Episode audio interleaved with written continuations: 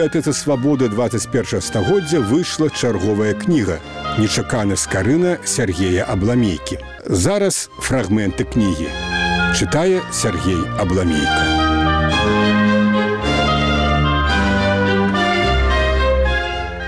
Асаблівасцю рэнесансу стаў гуманізм або увага і павага да чалавека, яго асобы і прыродных правоў. Цэнтр мастацкай увагі пачаў паступова перамяшчацца з Бога на чалавека. Раннія гуманісты ставілі за мэту паляпшэння прыроды чалавека шляхам вывучэння спадчыны антычных аўтараў. Для гэтага іх спачатку пачалі перавыдаваць на лаціне, а пасля і перакладаць на народныя мовы. Назва гэтай духоўнай з'явы паходзіла ад лацінскага слова гуманус чалавечы, але грунтавалася і на другім яго значэнні. З лацінскай мовы хуманус можа перакладацца і як высока адукаваны. Паступова ў эпоху рэнесансу сфармаваліся два ўзроўні гуманізму элітны які вызнавалі аб'яднаныя ў гурткі акадэміі высокія інтэлектуалы, філёзафы, пісьменнікі і мастакі і народны гуманізм. Хрысціянскі паводле формы, але са свецкімі задачамі свабоды думкі, адукацыі індывідуалізму. Да гэтага другога тыпу належаў і скарына. Нашага францішка скарыну вывучаюць ужо больш за два стагоддзі і спрэчкі вакол яго поглядаў і спадчыны не сціхаюць. Спрачаюцца і наконт гуманізму скарыны. Нядаўна чэшскі гісторык Петр Войт заявіў, што скарына не быў гуманістам у класычным сэнсе гэтага слова. Паводле войта скарына не перакладаў біблію з класычных моваў святога пісання габрэйскай, арамейскай і грэцкай, не перакладаў іншых антычных аўтараў і гэтак далей, а значыць і не быў гуманістам. Беларускія навукоўцы, аднак, не згодныя з такой інтэрпрэтацыяй. Петр Войт дае трактоўку гуманізму на стадыі яго нараджэння ў Італіі ў 14-15 стагоддзях. Тым не менш паступова па меры развіцця і пашырэння гуманізм пачаў дэмакратызавацца і набываць рысы другога тыпу, які абапіраўся не столькі на антычную спадчыну, колькі на хрысціянства. Беларускі філёзаф прафесор Семён Падокшын некалі пісаў пра гуманізм скарыны так.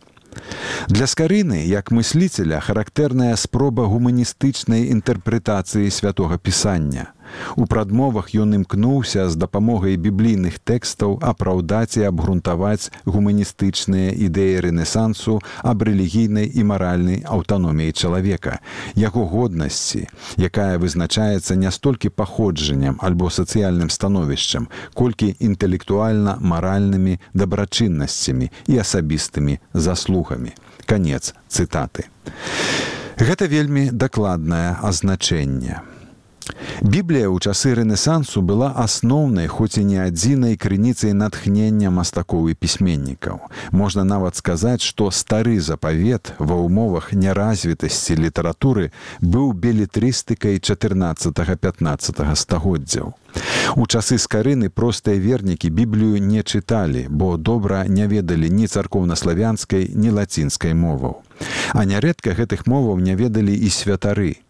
Гуманістычны подзвіг скарыны заключаецца ў тым, што ён першы ў нашым народзе зразумеў патрэбу шырокай народнай асветы і пераклаў біблію на зразумелую мову, прычым не толькі для царкоўных патрэбаў, але і для светскіх людзей. Пра гэта ён напісаў так: Богу качці і людзем паспалітым к добраму навучэнню.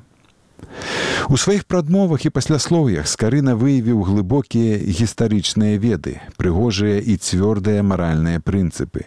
А да таго ж у поўнай адпаведнасці з гуманістычнымі стандартамі таго часу і рэнесанснай самапавагай уставіў у біблію свой партрэт. Так што мы з поўным правам можам называць скарыну беларускім гуманістам эпохі адраджэння.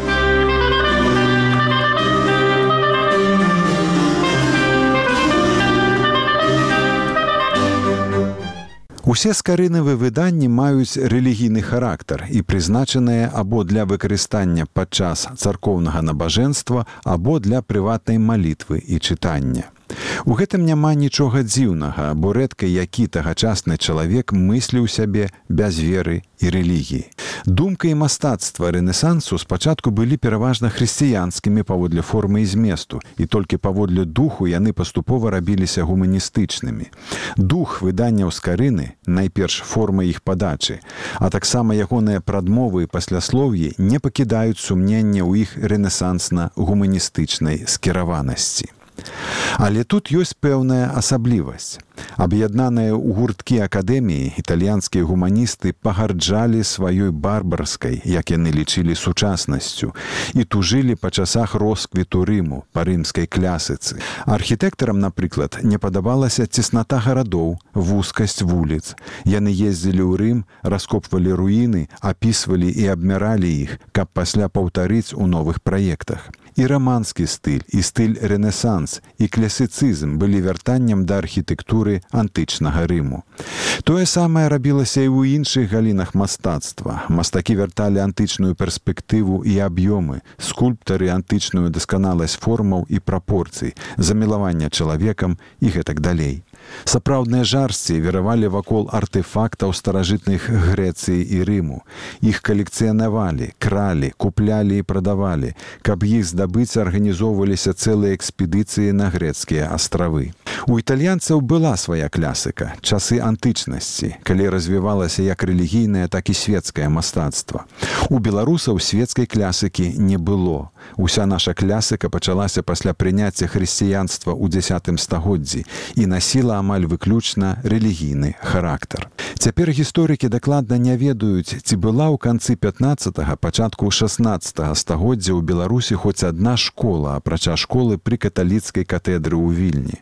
Некаторыя мяркуюць, што школа магла быць і пры полацкім сафійскім саборы. З пункту гледжання універсітэцкіх гарадоў Еўропы, з пункту гледжання Венецыі, дзе скарына на той час ужо пабываў, беларускі народ інтэлектуальна яшчэ спаў.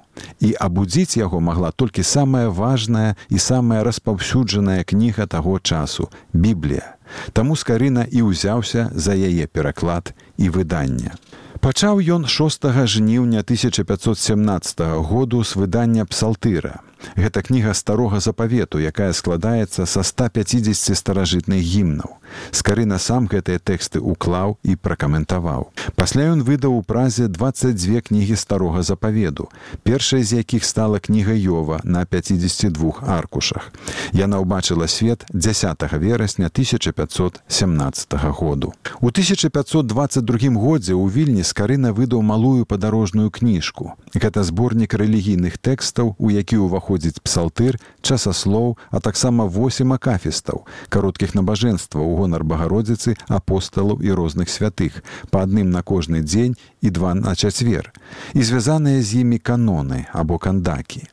У 1525 годзе свет пабачыў апостал, у які ўвайшлі дзеі апосталаў, саборныя пасланні апосталаў Якуба Пятра Яна і Юды, а таксама пасланні апостала Павла але выдаваў скарына свае рэлігійныя кнігі з вельмі важнай асаблівасцю, якая хаваецца ў шрыфтах.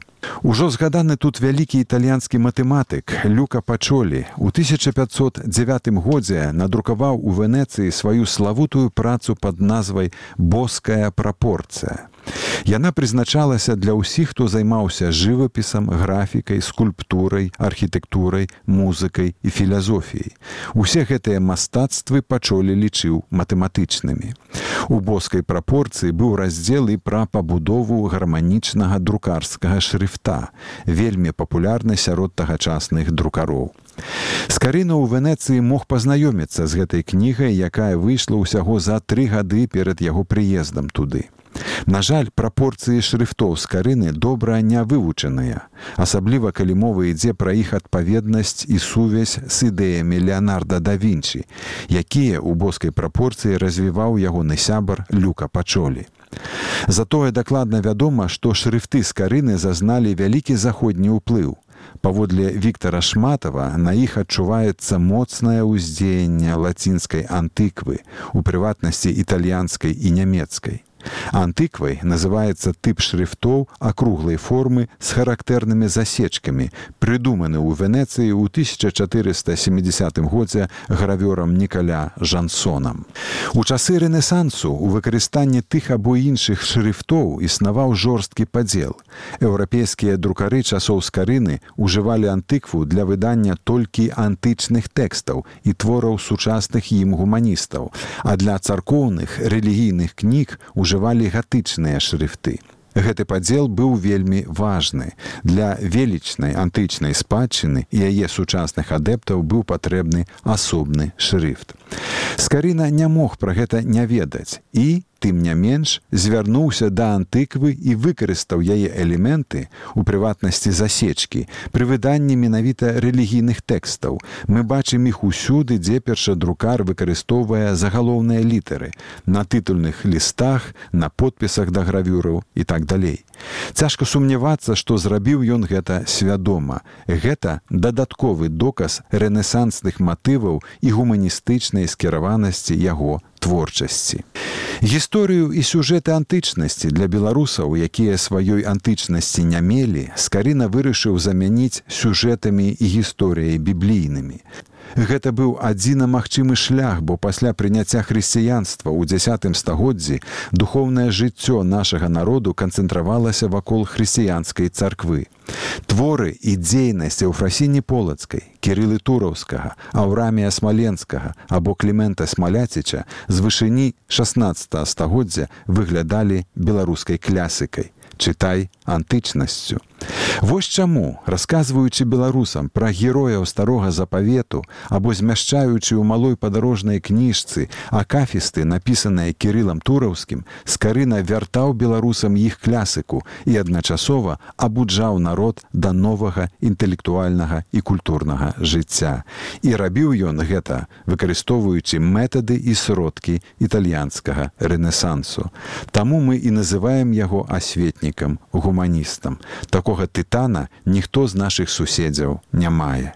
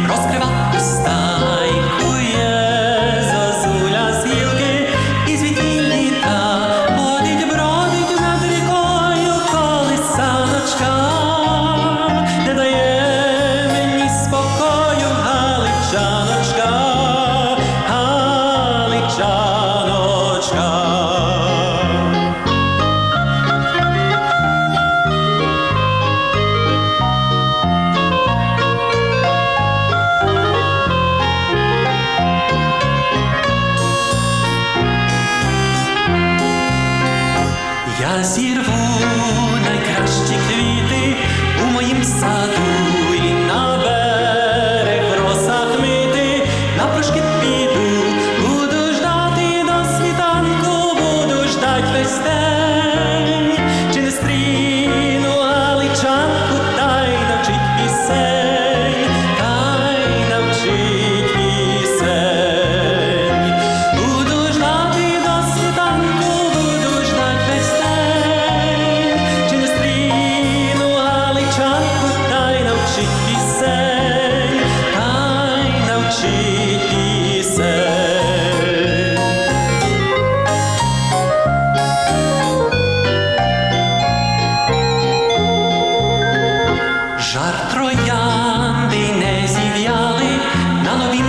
see